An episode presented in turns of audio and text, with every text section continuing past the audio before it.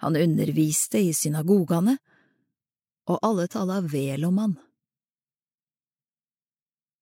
Han kom òg til Nasaret, der han var oppvoksen, og på sabbaten gikk han inn i synagogen, som han brukte å gjøre.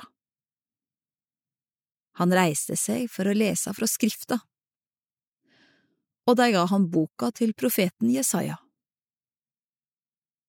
Han åpna bokrullen og fant den staden der det står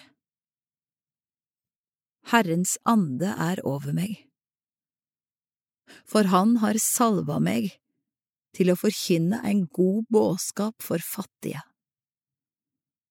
Han har sendt meg for å rope ut at fanger skal få fridom, og at blinde skal få sjå, for å sette undertrykte fri og ropa ut eit nådeår fra Herren. Så rulla han bokrullen saman, gav han til synagogetjeneren og sette seg og alle som var i synagogen, helt auga feste på han. Da taler han til deg, og byrjar slik. I dag vart dette skriftordet oppfylt medan det høyde på.